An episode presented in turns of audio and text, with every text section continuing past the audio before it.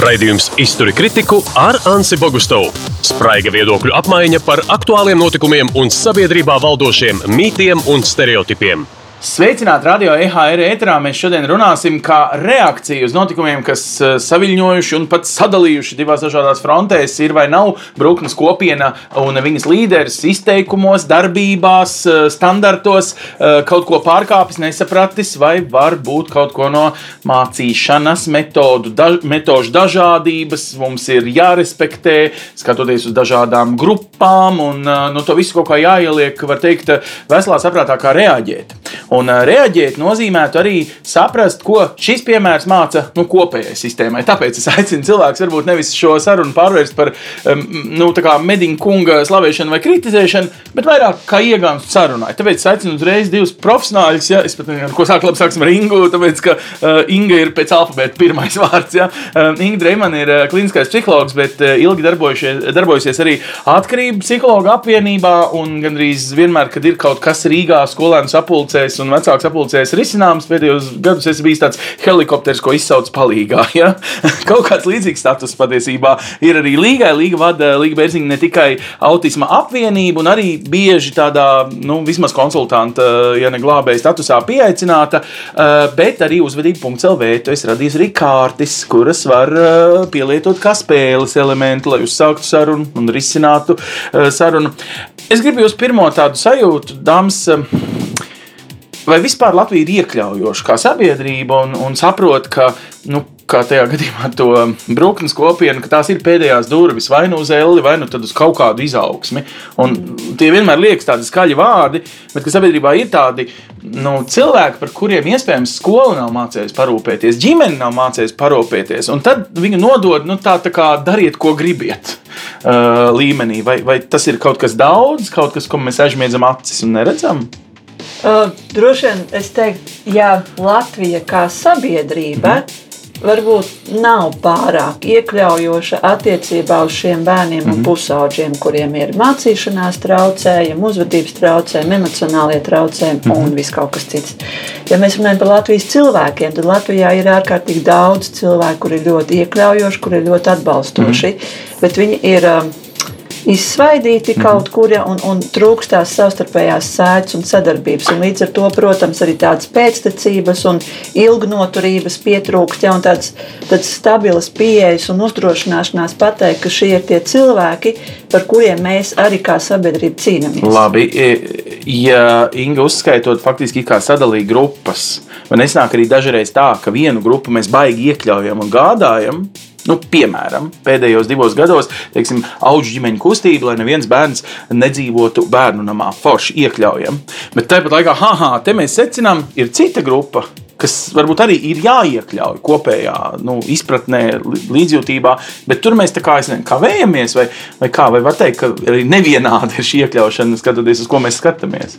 Zini, kā ir, varbūt ir vērts paskatīties uz to, kā mēs varam pārbaudīt, vai sistēma strādā vai Jā. nestrādā.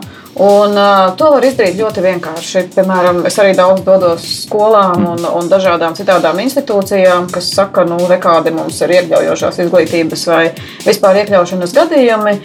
Un tad mans pirmais jautājums vienmēr ir par to, sakiet, kas nodrošina šos gadījumus. Mhm. Un otrais jautājums ir par to, ka sakiet, vai šī iekļaušana strādās arī tad, ja mēs nomainīsim kādus elementus. Nu, proti, un, ka faktiski bieži uz vienu cilvēku turās viss. Vai, vai nu uz vienu cilvēku turās, vai turās uz dažiem cilvēkiem. Un tātad šajā gadījumā, ja mēs runājam par to, ka rekādi mēs esam iekļaujuši, rekā mums izdodas tas viss, bet aiziet prom kāds pedagogs. Mm -hmm aiziet prom kāds mācību pārzinis, vai reizēm nomainās vadītājs, un viss, un visi mūsu iekļaušanas gadījumi izlido ārā, tad piedodiet, tā nav sistēma. Tas ir vienkārši kāda cilvēku entuziasms, un, un šāda veida darbs ir ārkārtīgi trausls. Tātad mums ir jāpulē sistēma, lai faktiski, es negribu teikt par sistēmas atkritumiem, bet nu, liekas, ka gadījumā ar katoļu kopienu, kas uztvēra faktiski no visām skolām izmestus jauniešus, Nu, tad mēs varam teikt, ka, ka, ka tas bija sistēmas kļūda. Un, ja jau tajā brūknā naba, nu, ir vairāki šādi uh, jaunieši, tas nozīmē, ka no daudzām Latvijas skolām būtībā nu, izkrīt jaunieši, kuriem tur bija jābūt. Es atceros pirms desmit gadiem, kad sāka skaitīt nītus. Tas ir jaunieši, kas dzīvo zem tiltiem, nemācās un tā tālāk. Bija aplēsts, ka viņi ir 9000. Vien, skolās mācās kādi nu, 200 tūkstoši jauniešu, un no tiem mēs varam teikt, ka nu, kaut kādi 4% principā ir tādi, kas nu, krīt ārā. Skolas par viņiem nedz interesējas, nedz viņi par skolām. Šajā gadījumā ir tā, ka nu, brūkne ir izskanējis viskaļāk, Jā. bet šāda pēdējā vieta, ja pēdējā pietura ik pa laikam parādās. Mm. Es pat arī kādu laiku nostrādāju tādā pēdējā mm. pieturā, ja tāds, un, un tā sajūta tiešām ir, ka tu esi pēdējā pietura, pēc kuras ir visi. Ja, Nu, bet kāds cietums būtībā ir nākamais? Jā, viņš faktiski izdara noziegumu. Un... Ilģuciem cietums vai cēs mm kolonija. Pat mm šajā jautājumā Latvijā zēniem ir atsevišķa kolonija, mm Mhm. -hmm. ja, kur viņi teiksim, ir nu, nepilngadīgi, ja, kur viņi ir atsevišķi un ar viņiem tiešām strādā un cenšas arī. Teiksim, mm -hmm. Tad meitenes aiziet uz ilģuciem cietumu. Mm -hmm. Nu, un cietums jau ir cita izglītības sistēma, tā teikt, tur Jā, ir dažreiz ir recidīvs arī, Jā, ne? Tur ir jau at- vairs. vairāk vai mazāk ir atsevišķi, bet ir ļoti daudz kopā arī ar mm. pilngadīgajiem. Ja, tā kā ir ļoti tā sistēmiski un ir bijuši centri arī dzen, Latvijā vairāki, bet tad nāca krīze, kas, kuras rezultātā jā, šos centrus faktiski aizvērt ciet tie, kas bija domāti tieši jauniešiem ar atkarībām. Mm -hmm. Tā problēma kāda bija, ka tad, kad bija šie centri jauniešiem ar atkarībām, uz turieni grūda visus jauniešus. Viņš vienkārši nevarēja izpildīt savu funkciju vairāk, un viņi vienkārši Nu, bet izšķīra. tagad, lūk, tu mini atkarības. Tad ir varbūt, nu, un es nezinu, cik es drīkstētu teikt, tāda izlaidība vai varbūt vecāku neprasme audzināt. Varbūt vecākiem pašiem nav bijušas normālas ģimenes, nu, viņiem ir bērni, nu, viņi nenodarbojas, un tas bērns nu, kā nonāk. Kādās grupās vispār būtu pareizi e, jaunieti, kuram ir vajadzīgs profesionāli pedagogu, psihologu un citu speciālistu atbalsts, lai viņā ieraudzītu nu, arī viņa talantu, kāds viņam noteikti ir, un attīstītu viņu, un viņš nekļūtu atkarīgais, viņam būtu. Nu, ja nav mācība mīlestība, būs cita mīlestība, ja nu, kaut kāda nu, cilvēku uh, mīlestība. Nu, tad, kā mums būtu jādala? Ne jau pēc diagnozēm. Zini, kā ir? Es domāju, ka nav nozīmes, kā to sauc. Jā. Ir nozīme, ko ar to dara. Jā. Un šajā gadījumā, jebkurš nu, uzvedības problēmu signāls, tas ir sauciens pēc palīdzības. Un jautājums ir par to, kā to nu, tulko, jo tāpēc, ka, nu, tas ir tas, ko es arī cenšos uh, skaidrot pedagogiem, ka nu, tomēr devianta uzvedība, vai viņi saka, citi saka izlaists, vai citi mm -hmm. saka, tur kaut kāda jau viņa skolā liek uh, nu, visādas diagnozes, mm -hmm. bet uh, diagnozes nekad neaizvedīs pie risinājuma. No. Pie risinājuma aizvedīs ir īpaši, nu, ir īpaši skolās aizvedīs tas, ka, ja mēs paskatāmies tā, tad, ja bērnam ir autiskā spektra traucējumi, tas nozīmē, ka visticamāk viņam būs grūtības adaptēties pārmaiņām, viņam būs grūtības ar fleksibilitāti, viņam būs grūtības ar komunikāciju, un, un visticamāk viņam būs grūtības arī ar savstarpējām attiecībām. Un profesionāls pedagogs vai psihologs vai kas skolā, to spēj nu, kā saprast un iekļaut tajā. Tad sanāk, ka, ka pedagogi nemāk, ja ir salīdzinoši liels tas, nu, sauksim viņu par atbirumu. Ja? Tie jaunieši, kas beigās aiziet no tās skolas, kaut ko viņi nevar izturēt. Zini, kā ir eh, iespējams, ka viņi nemākas. Man šķiet, ka tas ir tā ļoti bīstami teikt. Nu jā, jo tāpēc, mēs ka vispārinām mēs kā, ja? eh, redzam daudzus gadījumus, eh, kuri sanāk. Un, piemēram, Jā. nu, tas ir tas, ko mums, man arī bieži vien pārmet, ka oh, tur bērnam tikai 11 gados Mhm. uzstādīja diagnozi. Bet tas, kā es mierinu arī vecākus, ja bērns saņem diagnozi 11 gadu vecumā, tas nozīmē, ka viņiem ir ļoti palaimējies ar ģimeni. Tas nozīmē, ka ģimenei ir izdevies kā, Mhm. kompensēt bērna vajadzības. Viņiem ir brīnišķīgi izdevies ar bērnu dārzu, kurš ir sapratis viņa vajadzības un spējis arī pielāgot, daž, pielāgoties dažādām īpatnībām. Uh, un uh, arī nu, skolā tas viss ir noticis līdz. Visbiežāk, kur mēs arī redzam, tas lielais uh, kritiens ir tieši 5. klase. Nu, Tāpēc- proti, kad sāks pubertāte, Tas Latvijas ir viens, tur ir tīņa mainās, gadi. un mainās izglītības Jā, process. jā, jā. Proti, nav tikai viena skolotāja, kas faktiski ir tava mamma, gan matemātikā, gan jā. latviešu valodā. Jā, Ja? un, un sākuma skolā tā mācīšanās ir vairāk kā mācīšanās procesa. Piektajā klasē dramatiski mainās mm. uzstādījums un ļoti ir uzstādījums uz sekmēm. Un tas, ko papildus, Piedzīvo stresu, tā jā, tad un tas ir papildus par to palīdzību, ja tik tiešām faktiski šie signāli, kurus rāda bērni, mm. -hmm. tie cēloņi var būt ārkārtīgi dažādi. Sākot ar to, ka tam bērnam tiešām ir. ā, Nu, viņam kāda traucējuma, slimība vai kas Jā. Un gandrīz tas pat var būt, ja ir daudz bērnu, kas būtu ar gandrīz diagnozi, kuriem tā kā ir, bet tā kā nav īsti. Nevar savākt teiksim, to kritisko masu. Bet tieši tāpat tās tāda uzvedība var būt bērniem, kas ir pārcietuši traumu kādu, vai, piemēram, vardarbību ir pārcietuši.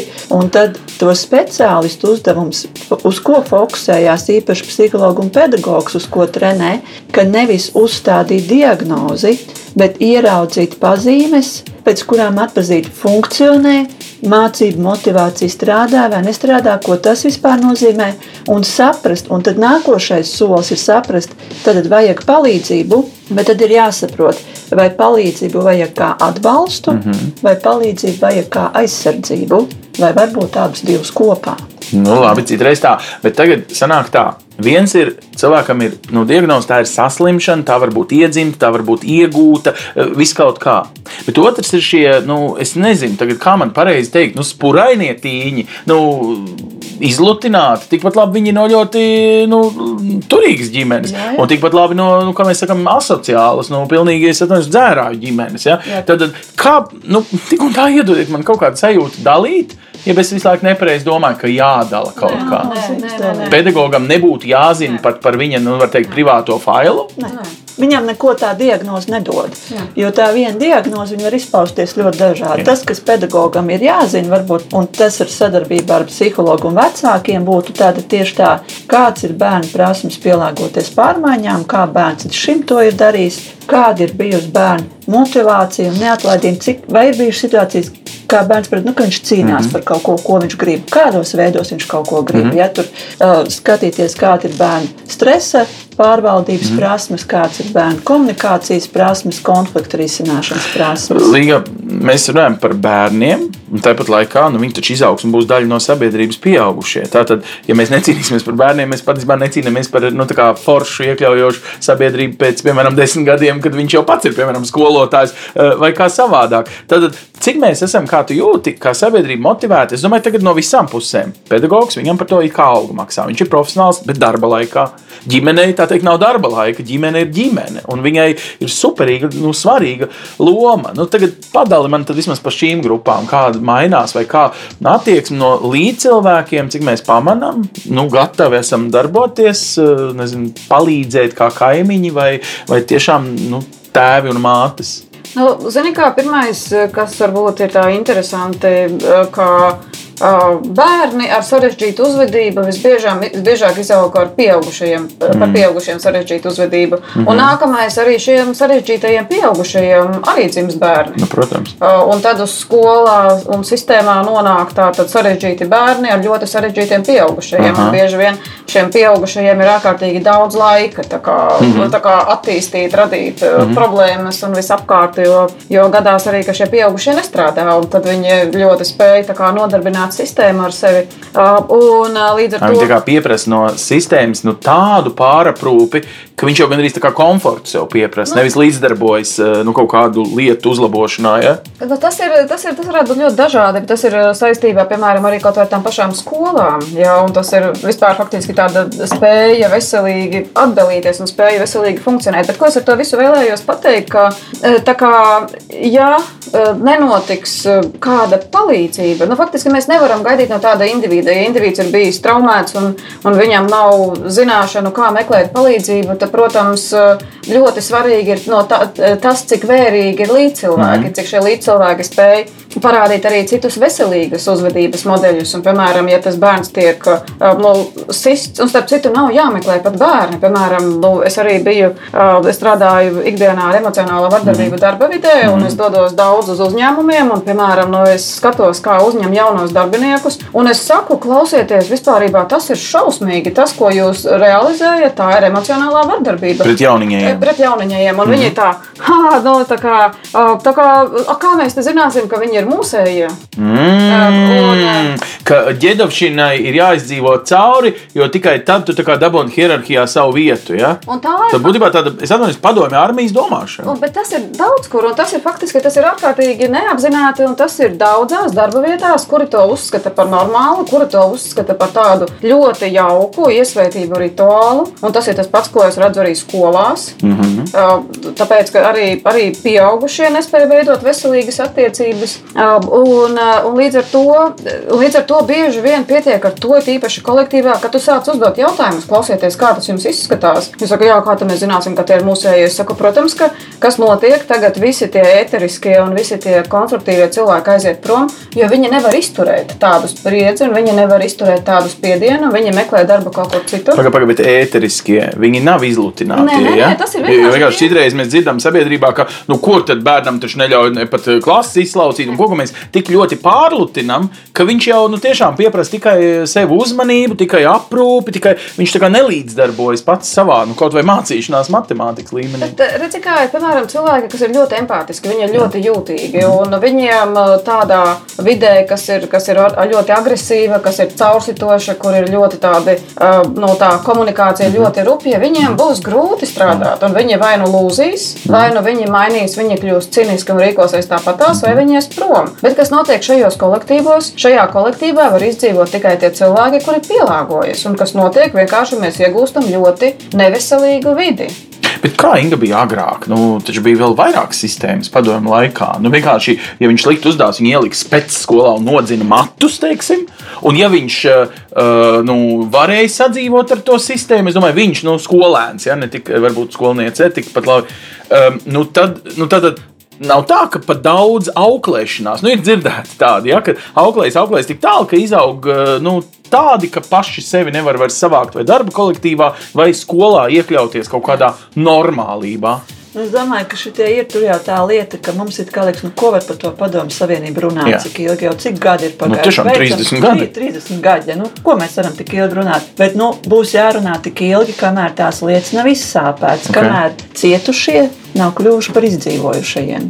Mēs nevaram izmainīt viņu pieredzi, bet tā pieredze joprojām ietekmē viņus. Un ārkārtīgi daudz, es teikšu tā, ka vismaz pusē no gadiem, kur ir šie spurainie jaunieši, mm -hmm. kurus vairs tā kā īsti nav internāta skolas, uz kurām viņas mm -hmm. aizsūtīt, ja, un kas tur ir rotējuši pa skolu skolām, mm -hmm. faktiski vismaz viens no viņu vecākiem ir bijis tieši tāds pats. Un tieši tā precīzi viņš ir lausts un faktiski salauzts. Un es to tādā žargonā saucu, nu, ka ir daļā cilvēki iekšā ir tāda trakā lapsa. Mm. Ja, mēs viņu saucam par traucējumiem, mm. par spurainiem. Un tad, ja to, viņa ir tāda, kura, nu, kura neiekļausies kastītēs. Viņa parādīs, jo mums lietas ir kaut kāds jādara citādāk. Tas ir nu, tāds mm. spēks arī. Un tad, ja tā mamma vai tēvs ir tikuši salauzti, bet tas viņš jau atgriežas atpakaļ tajā ģimenē, tajā bērnā, un tas salauztais vecāks viņš nevar palīdzēt savam bērnam, tad viņš vai nu lauž, jo tas ir tas, ko viņš zina, vai viņa mamma, ja ļoti daudz māmas ir tikušas šādā veidā salauztas, tad lauž savu bērnu, īpaši tad, ja tā ir meita, un tad, kad sākās tie pusauģi gadi, nu, tad tā laušana notiek ļoti skarbi, vai, piemēram, tieši tā cenšas to hiperkompensēt, ka manu bērnu tas nekas nenotiks. Mm, Tāda pāraprūpe. ja? Pārprop, un tas, kas notiekās tajā brīdī, tad, tad kad tas bērns aug, tad redz nevis to bērnu, kas aug, bet sevi tajā bērnībā. Kas man pietrūka? Un tad tā pārprop un tā kompensēšana patiesībā jau mēģina kompensēt sev caur to bērnu, bet eh, ne jau bērns tādā veidā dos atpakaļ. Labi, bet pāraprūpe varbūt ir tik tālu laba, ka cilvēks jūt, ka viņam ir kaut kas jāmaina nu, gan sevī, gan jānosargā bērns. eh, Bet tad ir tas otrs gadījums, kad mēs aizsūtām uz iestādi. Tagad ir vienalga, vai tā ir kristīgas baznīcas organizācija vai, vai kaut kāda valsts pilnībā uzturēta. Un tagad nu, it kā nododam profesionāļiem, tieciet galā. Un tad mēs sākam vēl pārmest, ka tie profesionāļi pēc kaut kādas inspekcijas atzinuma neatbilst šitam, un pēc kaut kāda cita priekšraksta šitam. Nu, var cikot arī profesionāļi citreiz tiek pēc tam kastēm mērīti. Ja? Vai tas ir pareizi? Ja tas liecina vienkārši, ka mēs nemākam prasīt palīdzību, ja mēs nu, esam savas bērnības traumas piedzīvojuši, vai redzam savos bērnos kaut kādu uzvedības eh, īpašības, vai mēs, mēs, mēs mākam prasīt palīdzību kā sabiedrība. Mm, Tas ir, vai mēs pirmkārt, vai mēs pamanām tos signālus, ka mums ir vajadzīga palīdzība. Paši un arī par citiem. Jā, un vai mēs spējam pamanīt šos signālus agrīni? Jo, tāpēc, ka, jo ātrāk mēs šos signālus pamanīsim, jo vairāk mēs varam darīt. Jo tāpēc, ka bērna smadzenes ir daudz daudz fleksiblākas nekā tīņa smadzenes vai no, tā kā seniora smadzenes vai tā paša vecāka smadzenes. Un tālāk nākamais ir, cik vērīgi ir no šajā gadījumā, nu, mēs runāsim par sistēmu, par pedagogu, cik vērīgi, kā viņi pamana un ko viņi dara tajā brīdī, tad, kad viņi redz, ka šī uzvedība ir neparasta un īpatnēja. Un tagad tu uzdevi tik daudz jautājumu, pasaki tad man kaut kādu atzīmīti no 1 līdz 10. Nu, tad cik mēs esam pamanoši vai spējīgi. Es saprotu, ka vienā skolā būs uz 10 un otrā uz uh, 0, bet nu, iedod vidējo, vai mēs esam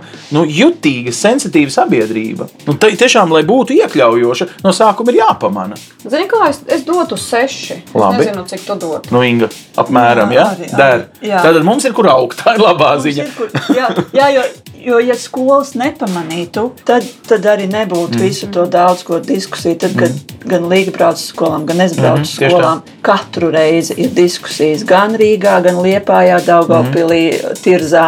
Jebkur, ja šīs diskusijas tie bērni ir un viņi pēc tam gadu un divus gadus nespēja tikt ar to visu sagramot, kas ir tieši tā. Tiem speciālistiem aizsūta, bet uh, būsim godīgi, tas uh, speciālists segums un uh, tā slodze, ar ko tiem speciālistiem ir jātiek galā, ir neadekvāti. Jo šī programma, šī palīdzība, ja runā tādā naudas ziņā, tad pirmajā brīdī viņš šķiet tiešām ļoti dārga. Mm -hmm. ja? Šie bērni, piemēram, viņi, piemērs, te, nu, viņiem nedara braukt ekskursijā 30 citiem bērniem. Jā. Viņiem vajag braukt ekskursijā līdz pieciem bērniem, un tur ir trīs pieaugušie uz tiem pieciem mm -hmm. bērniem.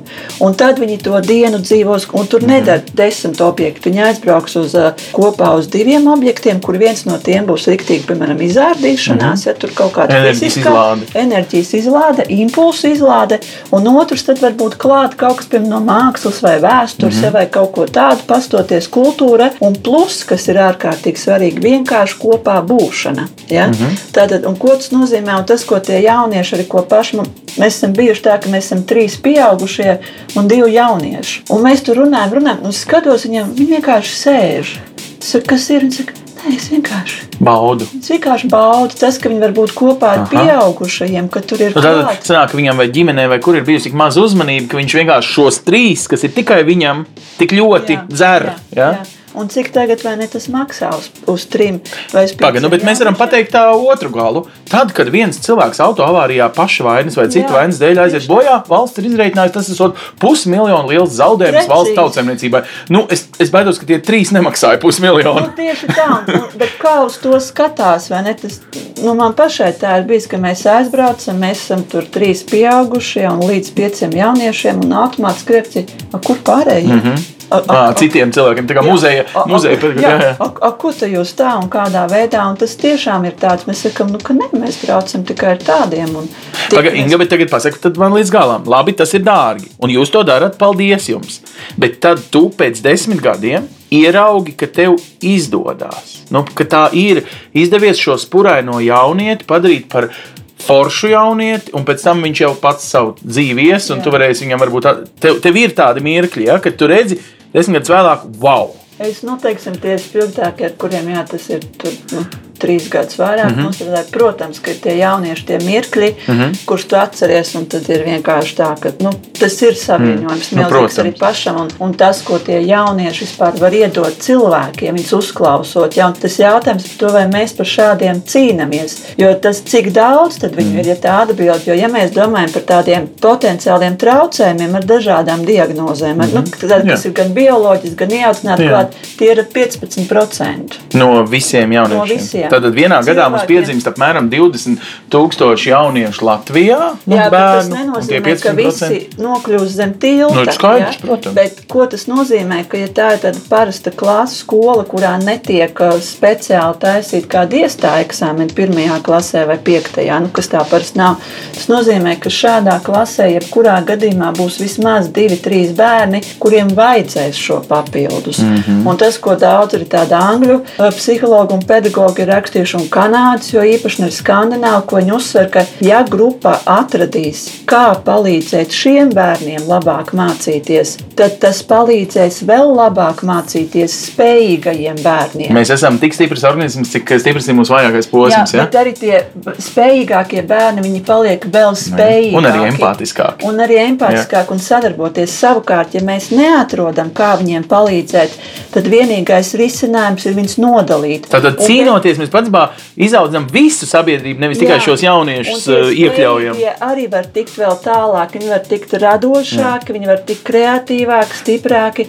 Bet tas, kā mēs to darām, ja tas nav vienkārši, bet jā, tas ir iespējams. Es dzirdu, un tad es sadzirdēju vienu citu lietu, kur es gribu to nodalītību. Mm, Inga tikko teica, ja būtu skola, kurā būtu eksāmenis pēc kaut kādām olimpiāžu rezultātiem, nu, gimnāzija. Ja? Tad mēs nu, nosīt atlasām, ne? Kaut kādus Jā. citus gadījumus. Tad mēs uztaisām tādu elitārismu, un tad mēs vēl kaut kur, neviens pat nezina, kur tā brūkne darām. Tikai jūs visdrīzāk zinat, eh, bet nu, tā vidējais latviečs nezina, kur atrodas brūkne vai citas. Nu, eh, tad mēs viņus nu, tā kā, nu, no acīm prom izolējam. Vienlaikus, protams, avīžu virsrakstos lasot, cik svarīgi ir iznīcināt, piemēram, bērnu namus, ja? ka tas būs šāda priejūtība. Bet tad, kad ir nu, kaut kādas citas lietas, tad mēs uh, radām institūcijas. Tas arī tā kaut kā, nu, vismaz dubultā morāli izklausās. Zini, kā es tev atklāšu briesmīgi noslēpumu? Labi, tu esi ētrā, runā droši. Jā, zem tilta nonāk arī smalko ģimnāziju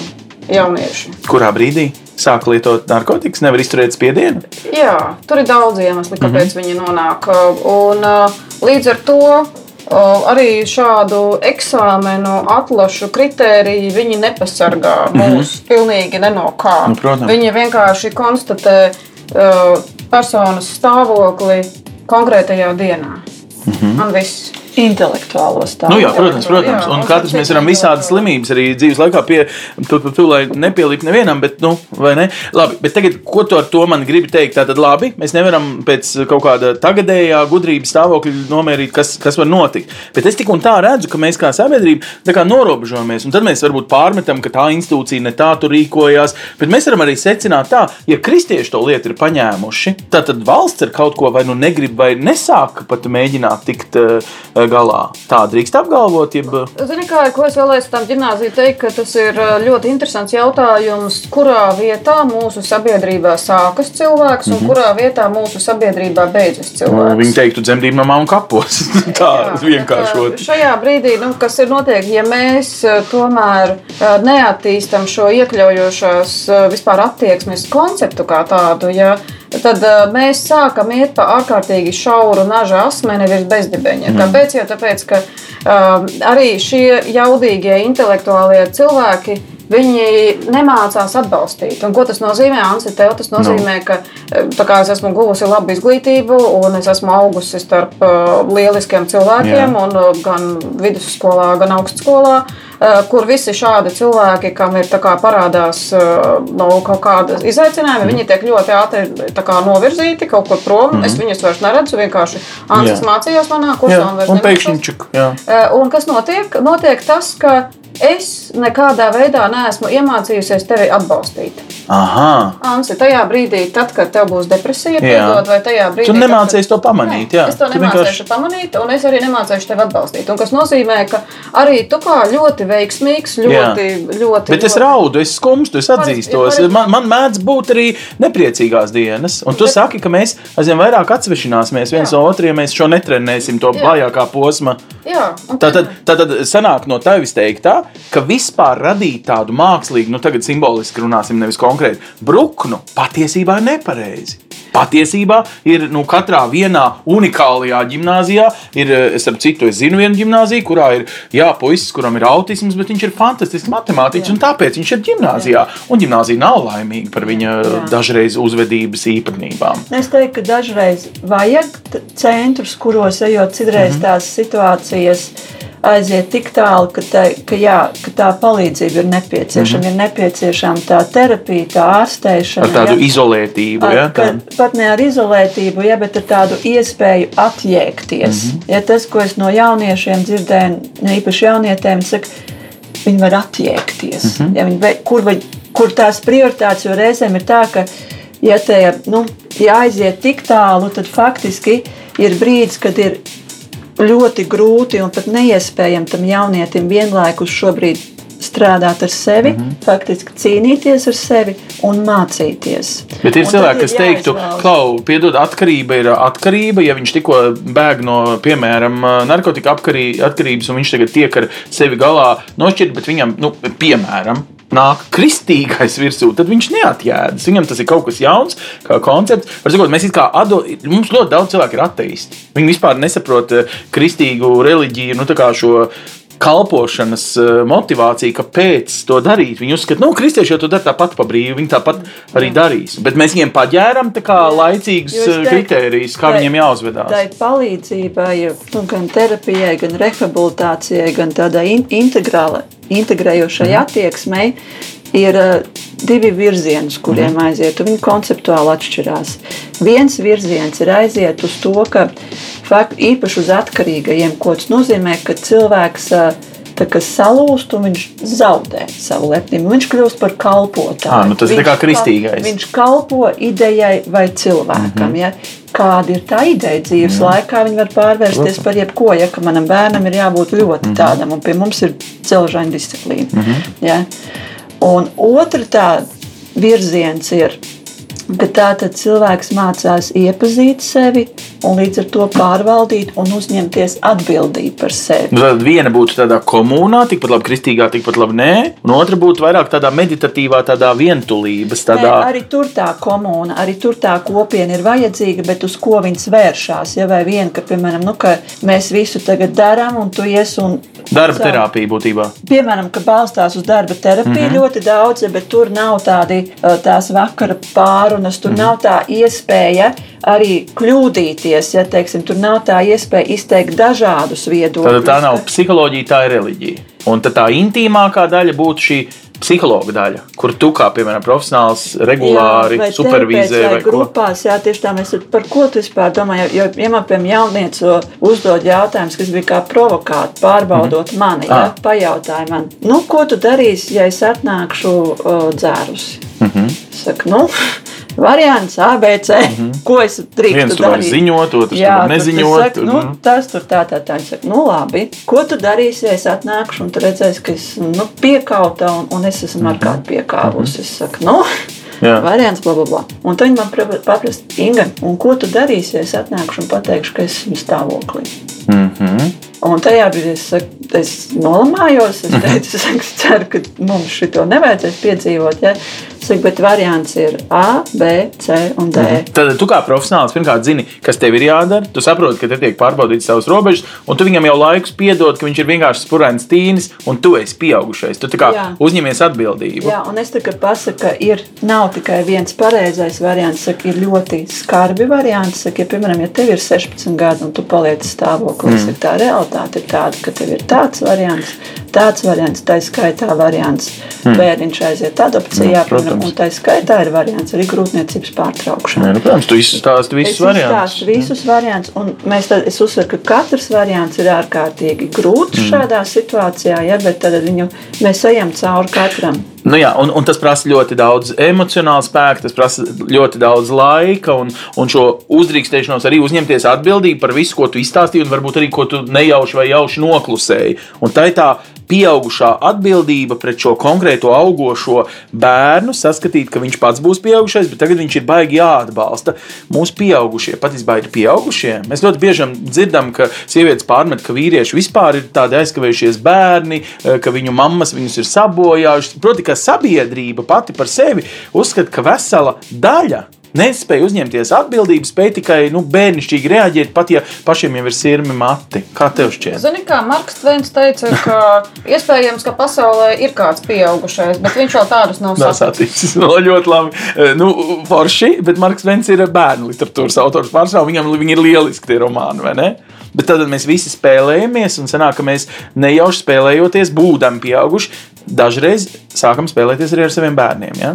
Nu, vai nesnāk tā, ka mēs pa daudz spēlējamies un varbūt ne, kaut ko noļaujam viņu vietā, kad kaut ko darām viņiem, nodarām labu. Man liekas, psihologiem tas ir nodarīt labu. Ja? Nu, zini, ir, eh, nu, es domāju, ka tas, kā parasti, ko, ko arī es pieņemu, un kas ir tāds mans, eh, mans sākuma izējas pozīcija vienmēr, jebkurā stāstā, ko es sāku risināt, ir, ka eh, konkrētajā situācijā katra iesaistītā puse dara labāko iespējamo, kas ir viņas spēkos. Mm -hmm. Un faktiski tu vari palīdzēt pēc būtības tikai tad, kad tu sāc nevis runāt jābūtībās, ka tev ir jābūt pieaugušajam, tev ir jābūt tādam vai tev ir jābūt tādam. Un cilvēki to ļoti jūt. It īpaši, ja cilvēki, ja tu ej iekšā nu, tādos vidēs, kur ir jau ļoti daudzi tā kā, tā kā centušies palīdzēt, mm -hmm. ne, jā, tad, tad viņi, viņi uzreiz jūt šos te viņiem uzreiz tā sarkanā lampa un, un faktiski tur ļoti ātri būs durvis. Līdz ar to tāda reālā, reālais darbs sākas tajā brīdī, tad, kad to katru cilvēku, kas ir šajā stāstā, tu viņa pieņem tādu, kāds viņš ir. Jo īpaši tas ir kaut vai ar tiem pašiem pedagogiem, ka e, ja viņi kliedz, ka tam bērnam šeit nav vietas, mm. ja mhm. viņš ir visus sabojājis, tad, e, tad mans pirmais jautājums ir, kāds ir šis pedagoga ceļš?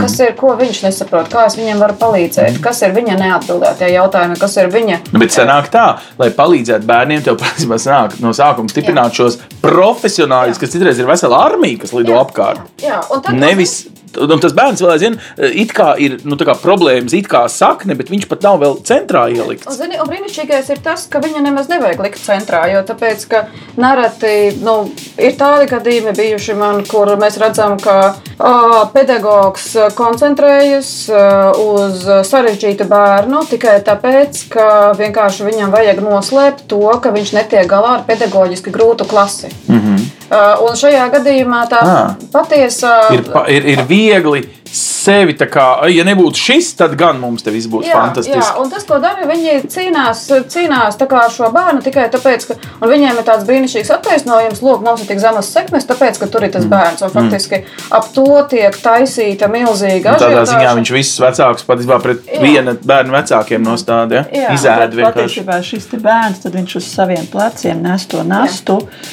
uzņemties uz sevi visu to miedarbības disfunkciju, kas veids par grēkāzi. Un ļoti bieži mēs atrodam grēkāzi, jo mums tā ir vieglāk, bet tā tad sanāk, mums ir grēks, ko mēs uzliekam uz tam, tam es atvainojos šoreiz āzim, uz jā. pleciem. Jā. Vienkārši tāpēc, ka nu, viņš jau ir pieradis, ja viņš jau ir pieņēmis šo lomu. Jo, un, uh, tas, kas arī vēl, piemēram, ja mēs runājam nu, tā konkrētāk par šiem tādiem bērniem, piemēram, viņiem ļoti iezīmīgi raksturīgi, ka viņiem ir grūti izteikties sākumā. Mm. Viņi ir ļoti impulsīvi, mm -hmm. viņi aiziet mm -hmm. ļoti ātri. Ja? Līdz ar to tiešām nu, viņi tādām normām. Uh, visātrāk pārkāpj pārtika mm -hmm. tos noteikumus. Viņas tiešām ir viegli vainot ja tajā visā, bet tad, kad ieraudzīt, ka varbūt uh, mēs pārāk šauri skatāmies uz noteikumiem, mm -hmm. ja, ka varbūt mēs varam pastīties nedaudz plašāk uz viņiem, nedaudz variācijām. Vai kaut vai piemērs ir tur par mazu bērnu, ja, kuram arī iespējams tur nu, pazīmes, ka var būt grūtības, ja, un tad uh, vecāki tur nu, nereti vecāki bieži saka, nu, ka piemēram čurā biksēs, un mhm. bērns to nepasaka. Viņš -hmm. vienkārši aizraujās.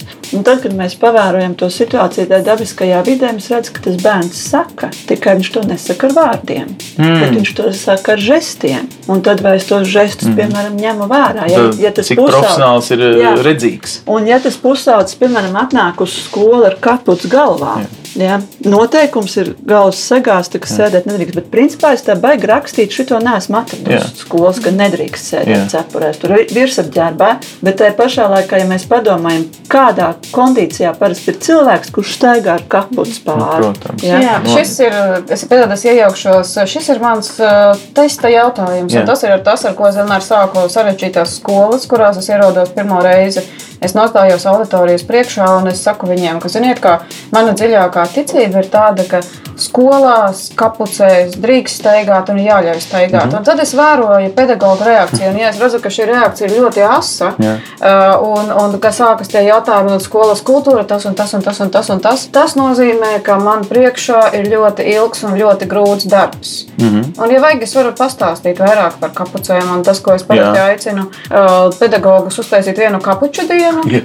Visiem. Visiem. Aha. Un paskatīties, cik ilgi jūs tās kapuces varēsiet nonēsāt. Mm -hmm. Un parasti Nu, pamēģini pats, nu, tās būs nu, 30 minūtes. Jā, es laikam nevarētu nebūs. ilgāk. Jā. Jā, vairāk tas nebūs. Un faktiski līdz ar to, ja mēs redzam jaunieti, kuram ir kapuci pāri, tam ir mm. -hmm. iemesls. Un iemesli parasti viņi ir divi, un tie ir ļoti interesanti iemesli. Tātad pirma, tas ir saistīts arī ar sensoro pārslodzi. Tātad Jā. iespējams, ka šim jaunietim ir paaugstināts dzirdes jutīgums. Jā.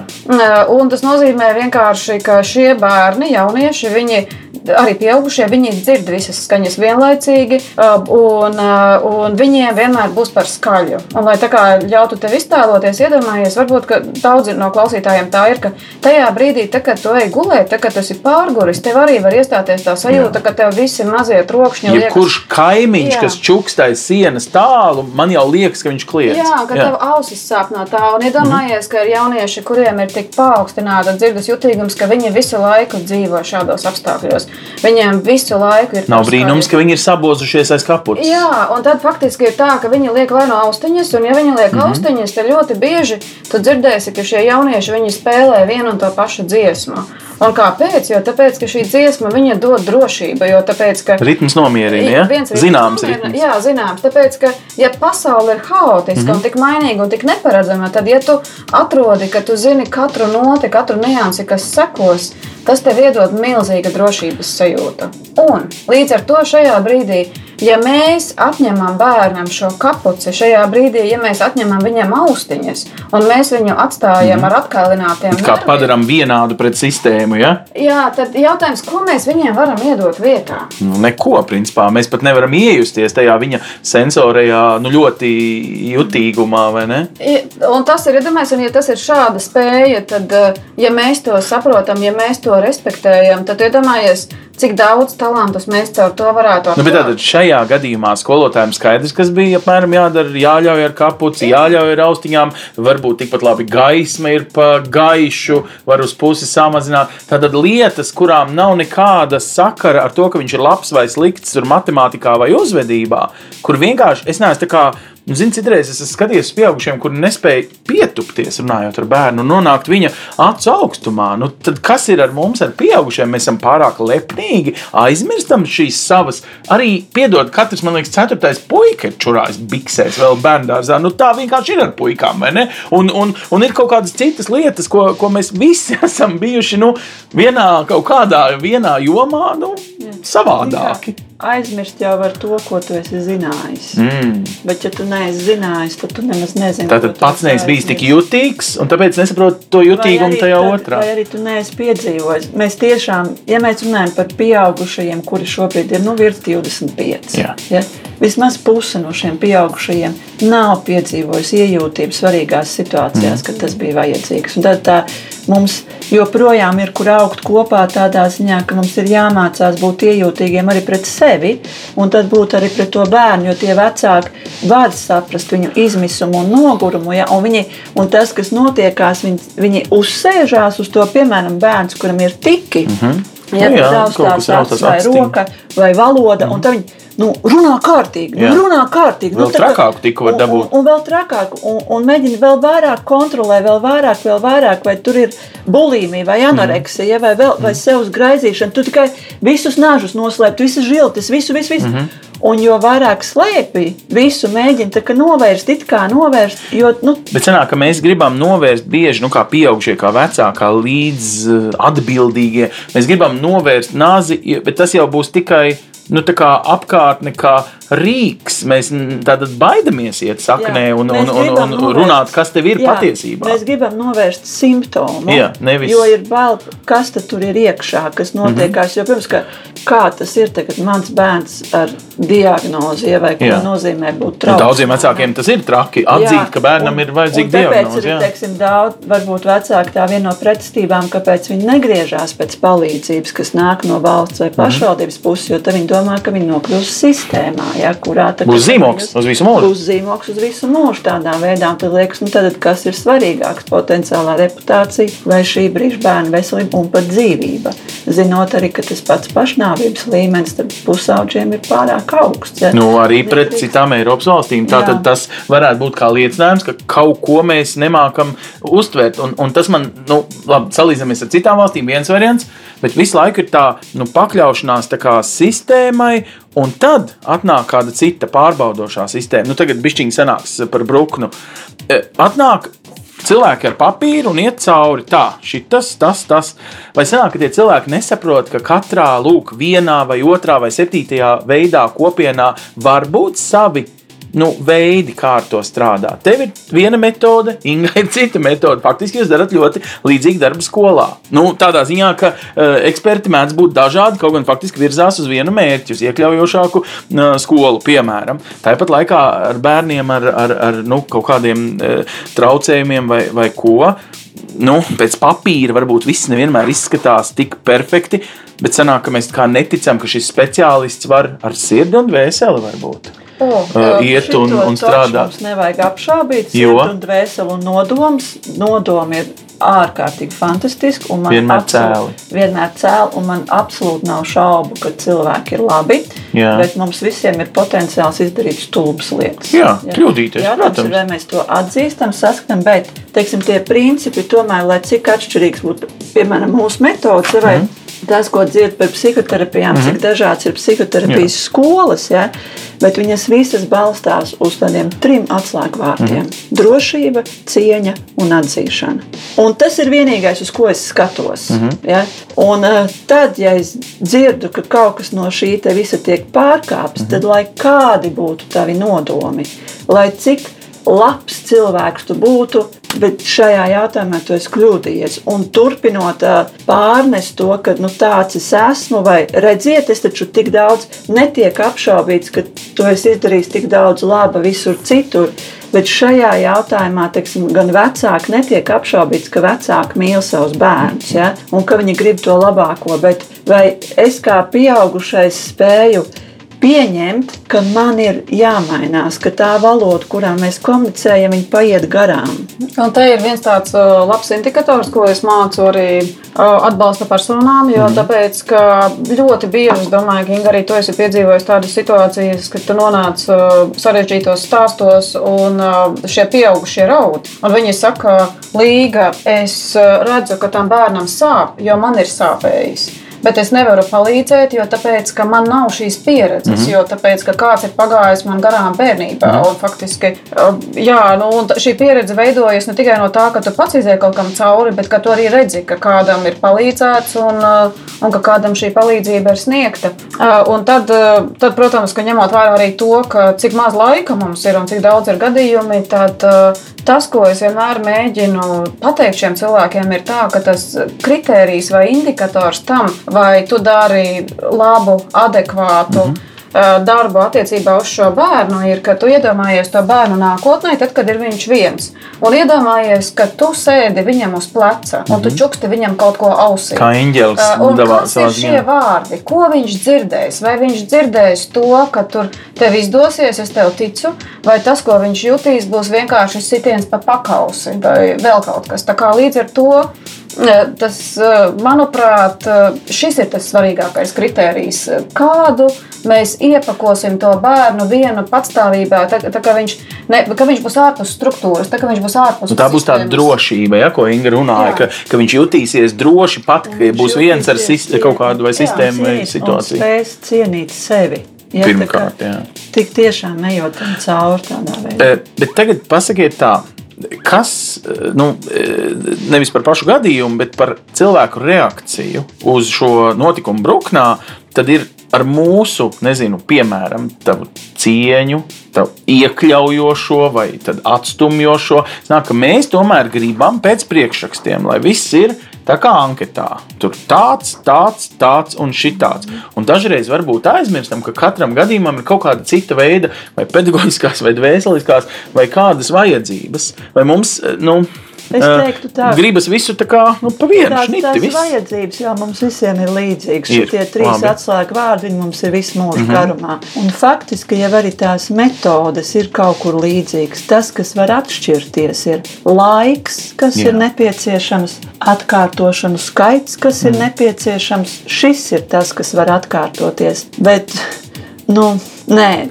Nē, ja nosauc meiteni par kuci, nu, Nu, tas jā. nav. Nu, tas tas nedrīkst. neveido viņā ne pašcieņu, ne, un arī zēnā tas neveido. Jā, ja viņi tur es nezinu, par Nu, tas ir tātad profesionāļa, kurš strādā paša, nu spēja neizdegt, saglabāt savu integritāti. O, ja? nu, tad, tas ir tas jautājums, ka mēs ļoti bieži no profesionāļiem, arī jūs, es, nezinu, es pieņemu, ka jūs arī kādu dienu izdegat un varbūt raudat, vai ne? Nu, tas būtu tikai dabiski. Godīgi izdeg un aizgāja no sistēmas. Ah, nu, re, godīgi, godīgi pats saki, tu sadegi, un tad aizgāji, un tad vēlreiz kā Sadegu, izdegu, no pelniem. Ja? Labi, bet tad tu no pelniem piedzimst, jo tu esi profesionāls, tu vari saprast savus kļūdas un mācīties no viņām. Tā, ja? Jā, nu tā kā izdzīvošanas instinkts ir, tad, tad strādā. Bet, nu, teiksim, labi, varbūt tā priekšrocība, kas ir Latvijā psihologiem, nu, teiksim, es domāju par sevi, es noteikti sev pamanīju, ka ātrāk ir jāiet prom. Mm. Ja ka laiks ir parūpēties par sevi. paši identificēt. Es ar sevi strādāju Jā. līdz tam, ja teiksim, tas arī ir milzīgs darbs. Kā, jo profesionālim būt gan tam pedagogam, gan psihologam, gan sociālam darbiniekam, mm -hmm. ir tā skaitā, tas nozīmē nemitīgi strādāt ar sevi. Jo no tās efektivitātes 50% nosaka metodi, ko es izmantoju, bet 50%, vismaz 50% mm -hmm. ir cilvēks, kurš to metodi izmanto. Tas nozīmē, ka es kā cilvēks esmu instruments. Jā. Jā, un tad, un kā es rūpējos par sevi arī kā par instrumentu. Labi, tā ir tā profesionālisms. Nu, mēs uh, Latvijā ļoti bieži pat neusticamies profesionāļiem. Mēs gribam kā lētāk, kā ātrāk. Ne? Mēs gribam bez čeka. Mēs gribam, na- nav tā, ka mēs, nu, es, es tagad varbūt uh, par amatniecību, ne, māju uzbūvēt vai, vai elektrības uh, kaut kādu vadus uh, salabot. Mēs, mēs piezinām uz SS sludinājumu. Cieņa pret profesionāli, ka viņam ir laiks, viņam ir zināšanas, viņam ir veidi. Ir, vai tu viņu kaut kā veido? Nu, es domāju, citreiz nu, mums ir jāpaļaujas, ka pat ja metodē es nepiekrītu, es zinu, ka viņš to dara, piemēram, cēlu iemeslu dēļ. Mm, tāpēc ir speciālistu certifikācijas, Jā. Tāpēc ir uh, no speciālistiem obligāti jābūt uh, supervīzijām, jo tāpēc es tagad nepateikšu to pētījumu, bet uh, ir viens labs pētījums, ja nepieciešams atsaucas pēc tam, tu varēsi internetā, ka faktiski ka tā tad ir pierādīts, ka ja nenobriedušas psihes rokās nonāk vara, Mhm. tad uh, smadzenēs notiek divas izmaiņas. Šiem cilvēkiem viņiem veidojas patoloģiski augsts pašvērtējums un samazinās empātija. Pat ja viņš ir profesionāls, kas strādā ar ļoti cēlu lietu, viņš var pazaudēt empātiju pret to, kam viņš faktiski sākotnēji gribēja pala, O, palīdzēt. Jā. Un, Un tad viņš sāka, nu, es tā vienkārši pateikšu, lamāties. O, piemēram. lamāties tas ir mazākais. Viņi faktiski viens ir lamāties, la, nolamājušies. Mēs esam visi kaut kur. Šajā gadījumā, ja šī lamāšanās paliek sistemātiska, un ja parasti, nu, ko tas nozīmē vardarbība, ja varmāku neaptur, Mhm. ja varmāk faktiski viņš caur to sistēmu, ko izveido, saņem arī pozitīvu atgriezenisko saiti, tas nozīmē, ka Abrīnu. jā, visi to apbrīno, tad uh, viņam var rasties tāda ilūzija. Ka viņš dara labu lietu, viņš dara sveitīgu lietu, jo tāpēc, ka viņam klanās un visi viņam tur saka, jā, lieliski. Un tas nav saistībā tikai ar šo gadījumu. Nu, Par šo gadījumu es nevaru spriest, bet tas ir, to jūs varat novērot vēsturiski, to var novērot arī totalitārās organizācijās, un faktiski to var novērot arī darba vidē. Nu, kaut vai Baltkrievijas prezidents Lukašenko 26 gadu amatā jau ir pazaudējis nu, tā kā, nu, tādu sajūtu par to, ko tauta grib, nevis ko viņš grib. To arī ģimenēs novēroja, ka arī vecāki ka viņi tiešām sāk ticēt tam, ka ja viņi to bērnu iespunda istabā. Mm.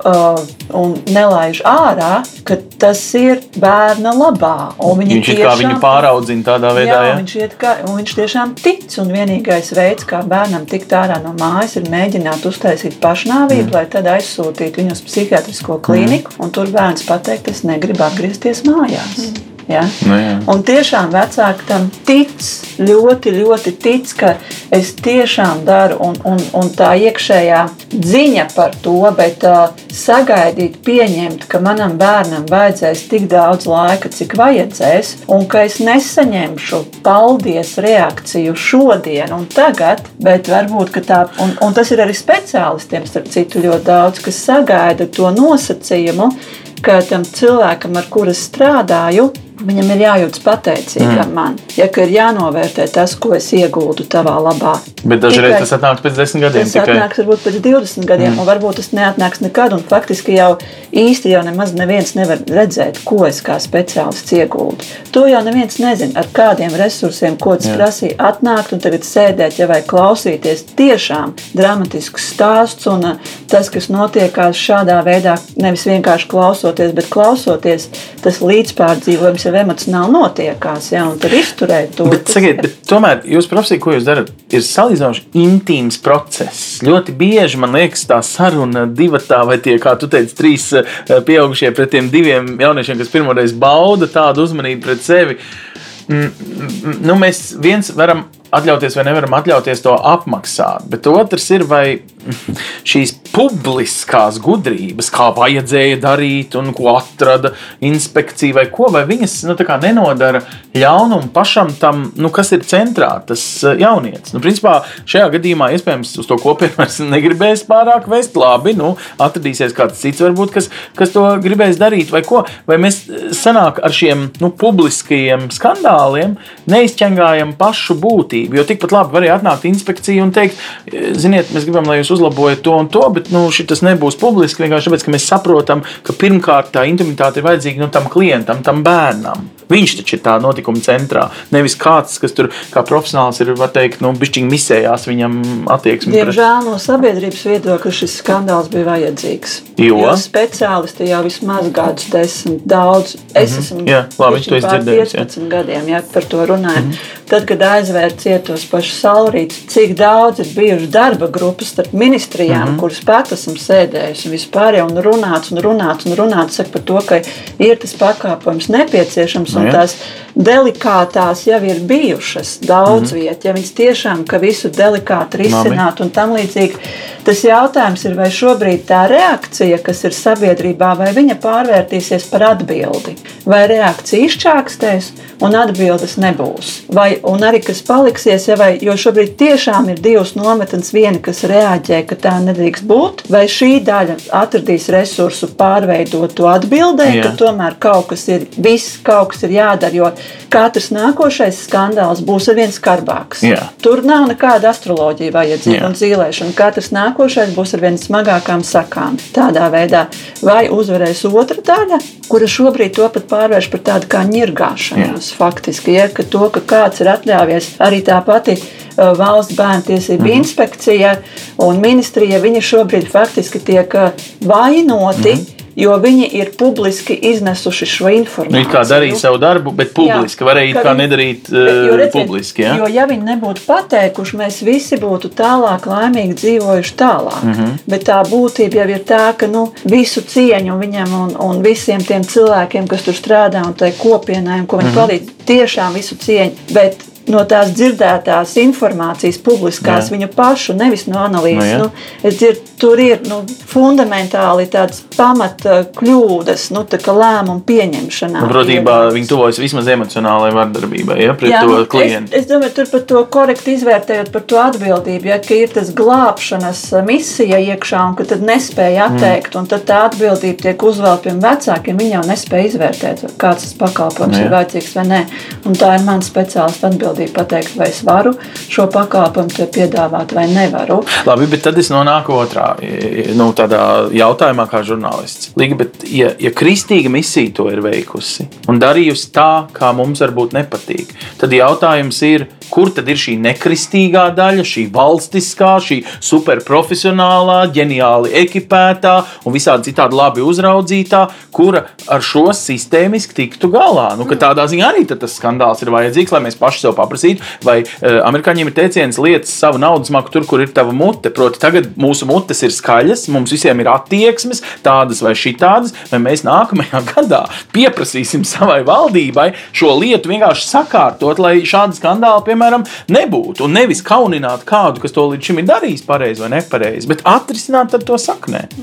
Zini, kā te ir tāds, man klausoties tavu jautājumu radās pārmetums mm -hmm. sev. Es nesagatavojos. Tas, ko es ļoti labprāt gribētu zināt, paskatīties, vai šīs kontrolējošās institūcijas, kas devās uz turieni, ir tajā ekonomikas ministrijas konsultē vispirms sistēmā. Aha, jā. un paskatīties, ka šajā gadījumā, ka ja šie ir eksperti, kas spēj tiešām iet cauri vadlīnijām, kā tam visam ir jābūt, tad kāda ir viņu spēja dot šos ieteikumus, lai šo sistēmu mainītu. Mm -hmm. Faktiski, rekur mums ir resursi, rekur mums ir cilvēki, rekur mums ir uh, vide vieta, un tagad, nu, kas tad mums ir jādara? Jo tā man ir bijis, ka zvana izmesis uh, psihologs, mm -hmm. un viņš raud klausulē, viņš saka, rītā astoņos tas bērns atkal būs skolā pasaki man, lūdzu, piecas lietas, ko man darīt tieši rītā. Mm -hmm. Tā kā nu, nu, viņš... nereāli, nu, protams. Nē, nu, ir, nē, protams, ka reāli. Tāpēc, Tiešām, ka acīm mums nav izvēles.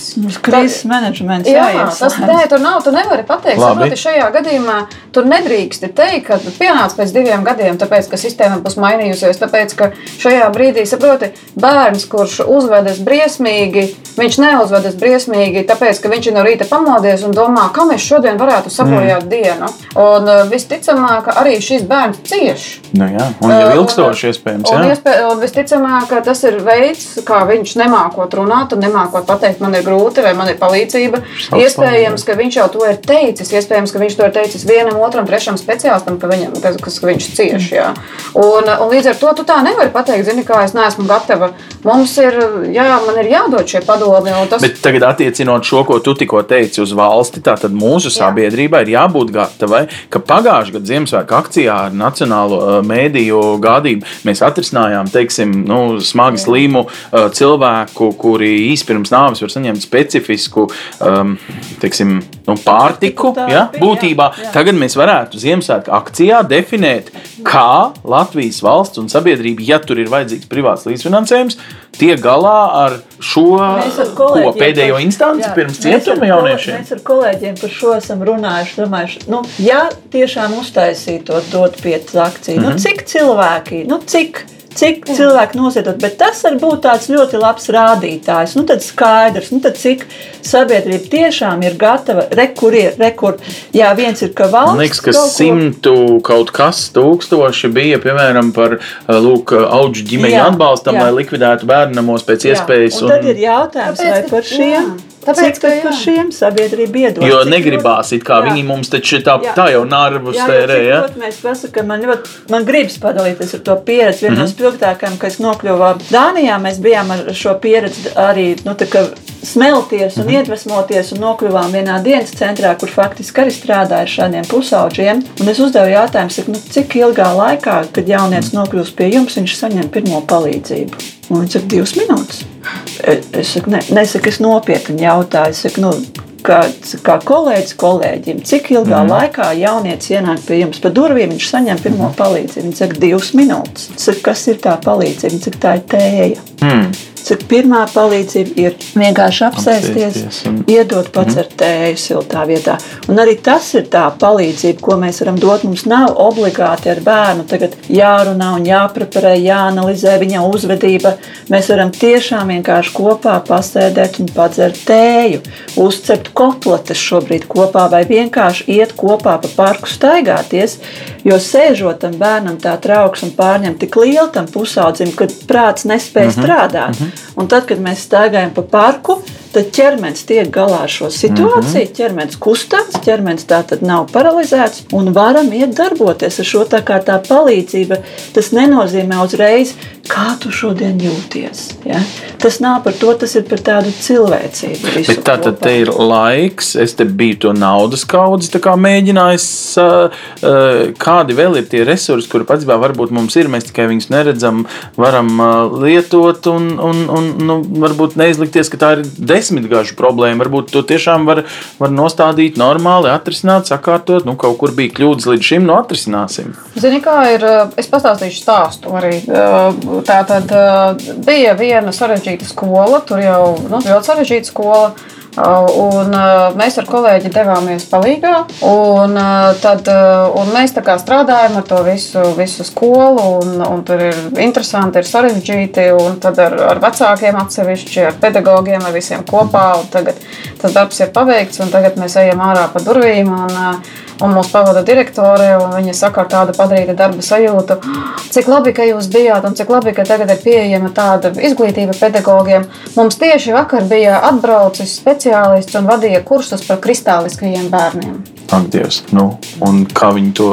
Un, ko es ar to vēlējos pateikt, ka, zini, kā ir, ka mēs to redzam ļoti daudz, un es ticu, ka arī tu to redzi, ka faktiski ir laiks, ir nauda, bet jautājums ir, ko šie cilvēki sistēmā izvēlas mācīties. Jo tāpēc Ā. mācīties par ēteriskiem- Patīkamās lietas. Uh, jā, mēs varam par eļļām apgūt, ar ko ciedru eļļa ir uh, foršāka nekā lapegļu eļļa, ja, vai, Jā. vai kaut ko tādu. Bet tur, kur ir problēma, tur, kur tu būsi īsts profesionāls, un tur, par ko tev uz kapa akmens, tā teikt, pateicība uzkalts kādreiz, tur tu tā kā nu, uz tām grūtībām, Jā. ja, mēs tā kā baidamies. Redzi, kā Mums ir tāda maģisko, vai ne, ka tam Jā. ir tāda augstāks izskaidrojums, jo tas cilvēkam tiešām ir nepieciešams izskaidrojums un uzdot to jautājumu, kāpēc tas notiek ar mani, kāpēc man piedzim šāds bērns, ja? Nu, jā. kāpēc man nesanāk, kāpēc pasties, re, kur manai māsicai ir tik paklausīga meita, mm -hmm. viņa tik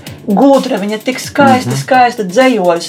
Manējā vispār pat teikumu mm -hmm. nelasa. Nu, kāpēc tas ir ar mani tādu? Nu, tad tur ir jābūt kaut kam tādam. Un Tas tad eh, cilvēks nonāk tādā būt. tā kā ezotērikas varā. Viņš mēģina kaut kādas mistiskas Es atbildes. Ja? maģijas vārā, Jā. jā. jā, ka tu nu, nevar būt, ka tie ir uh, gēni, vide, mm -hmm. resursi, mm -hmm. Uh, grūtniecības periods, uh, dzemdības, kas arī visu šo Nu, te viss kaut kopā, visas jā. tie kombinācijas ietekmē. Ja, tāds, bet uh, par tiem speciālistiem, ja domā, nav tā, ka Latvijā nav nekā, ja tad vienkārši skatoties, tiešām spēt atpazīt, kas ir tās prasmes, kuras bērnam padodas un pusaudzim vieglāk, un kas ir tās prasmes, kas viņam padodas grūtāk, un tad jau tur ir palīdzība. Bet tagad tā, kā nu, klausieties. Nav viņa ļoti sistemātiska un varētu būt ilgāk un vairāk, bet kaut, kaut kas jau ir. Mēs esam tādā baigā posmā. Mums tagad sāksies jauns izglītības koncepts, skola 20, 30, iekļaujošs, caurvīja prasmes, viss kaut kas, viss kaut kas.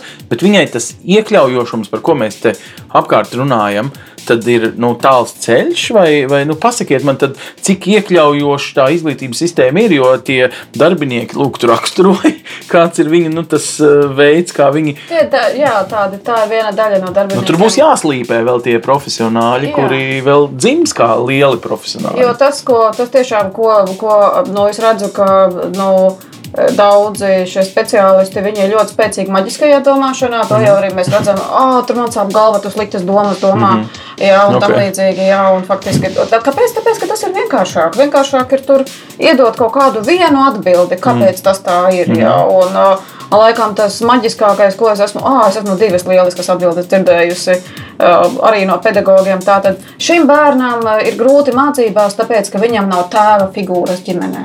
Mm, nu, baigi tāds, nu, pirmā kursa psiholoģijas Jā, atzinums. un Jā, otrais, otrais arī no šī gada jau, iedomājieties, gads vēl nav sācies mācību gads, bet, bet ir jau tik daudz noticis. Uh, otrais ir, jā, ar to meiteni ir tik grūti, tāpēc, ka viņa dzima ķēzargriezienā. Iedomājieties. Jā, teic, kā skolotāji to zina. Nu, tur, nu, tur daudz- mamma varbūt pateica, jā. daudz. Es Bet, nezinu, jā. kāpēc viņi to zina. To es Jā. arī neprasīju. Labāk šādus jautājumus Mhm. neuzdot. Nu, protams. nervozi. Un tad tas ir, ko tu vari darīt, ir pieņemt viņu atbildi un domāt, ko tu ar to tālāk darīsi. Un kā tad mēs varam no šīs vietas ē, virzīties tālāk. Un, un ko, es, ko es arī to vēlējos pateikt, ka faktiski ē, kā tādas ē, sarežģītākas lietas, piemēram, nu, kā mācīties pielāgot vidi, mācīties atpazīt uh, grūtības, mācīties atpazīt arī to, kurā brīdī mēs jūtam, ka jaunietim varbūt ir kādas depresijas pazīmes. Tas, protams, Jā. ir grūtāk, jo tāpēc, tas prasa piepūli.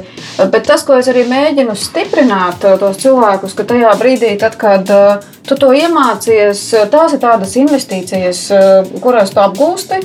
Un tad, kad tu sāc ar to strādāt, savā vidē, tev paliek vieglāk, jo tāpēc, tu saproti, tu zini, ko ar to darīt. Un līdz ar to, ja iepriekš tev milzīga enerģija aizgāja vienkārši cīnoties, mm. un, un cīņa, un strīdi un konflikts, tā nekad, nu, konflikts varbūt vajadzīgi, lai nospraustu robežas. Bet faktiski, ja tu jūti, ka tu sāc visu laiku cīnīties ar pasauli, Tas nozīmē, ka tu kaut ko neesi sapratis. Tas nozīmē, ka tev ir jāapskatās, varbūt, ka vēl kas ir tie šķēršļi pretī, kas, kas, kas vēl tev ir jāpajautā, lai tu to, to, to vidi saprastu vēl dziļāk. Un, uh, Un tad jau tālāk arī mēs uh, nu, varam virzīt sistēmu. Nu, ko, meitenes, liels paldies! Es uh, ceru, ka mūsu skatītāji un klausītāji ir sapratuši, ka mēs runājam par iejūtīgāku sabiedrību, par to, cik ļoti svarīgi ir gādāt par nu, jā, jebkuru līdzcilvēku, kurš vai nu piedzimstot vai kādas dzīves likstas dēļ ir ieguvis šādu spurainumu, kuru mēs nevienmēr esam gatavi tuvoties, noglāstīt, saprast, veltīt tam laiku, uzmanību, citreiz pat tikai tēju sākumam. Un, un ja gadienā jums ir kādi veidi, kā to sākt darīt, tad varbūt var ieteikt pie reizes arī uzvedību.lv dažādas spēles, kur ik viena ģimene, ne tur ar spurainiem tīņiem, var atrast savu veidu, kā izrunāt, izģenerēt emocijas. Dažreiz pat vienkārši šīs dienas parastās emocijas ir vērts salikt pa plauktiņiem, lai tad nesa kāp kaut kā. Mm, mēs ceram, ka tas ir arī devums šajā trakulīgajā diskusijā, kas visdrīzāk turpināsies vēl kādas pāris nedēļas par to, kas tad īsti tur bija Bruknā un ko mēs īsti no notikumiem Bruknā varam secināt un ko tiesāt un ko varbūt tieši nevajag tiesāt. Um, bet uh, kopumā tas laikam ir par labāku sabiedrību. Tādā ziņā paldies! Mēs šo stundu esam veltījuši, manuprāt, vismaz empātiskai spējai izanalizēt uh, dažreiz arī savādāk. Ne tikai tā kā preses trīs rindkopās parasti šīs ziņas tiek rakstītas. Uh, jūs, starp citu, šo redzējumu vienmēr varat arī padot draugiem vai video vai audio versijā. Mūs var atrast gan Spotify, gan EHR arī aplikācijā un mājaslapā. Mēs esam visur, skanam visur un mums ir arvien vairāk klausītāju, par ko liels prieks un paldies! Uz redzēšanos tiekamies nākošais! Projektu finansē Mediju atbalsta fonds no Latvijas valsts budžeta līdzekļiem.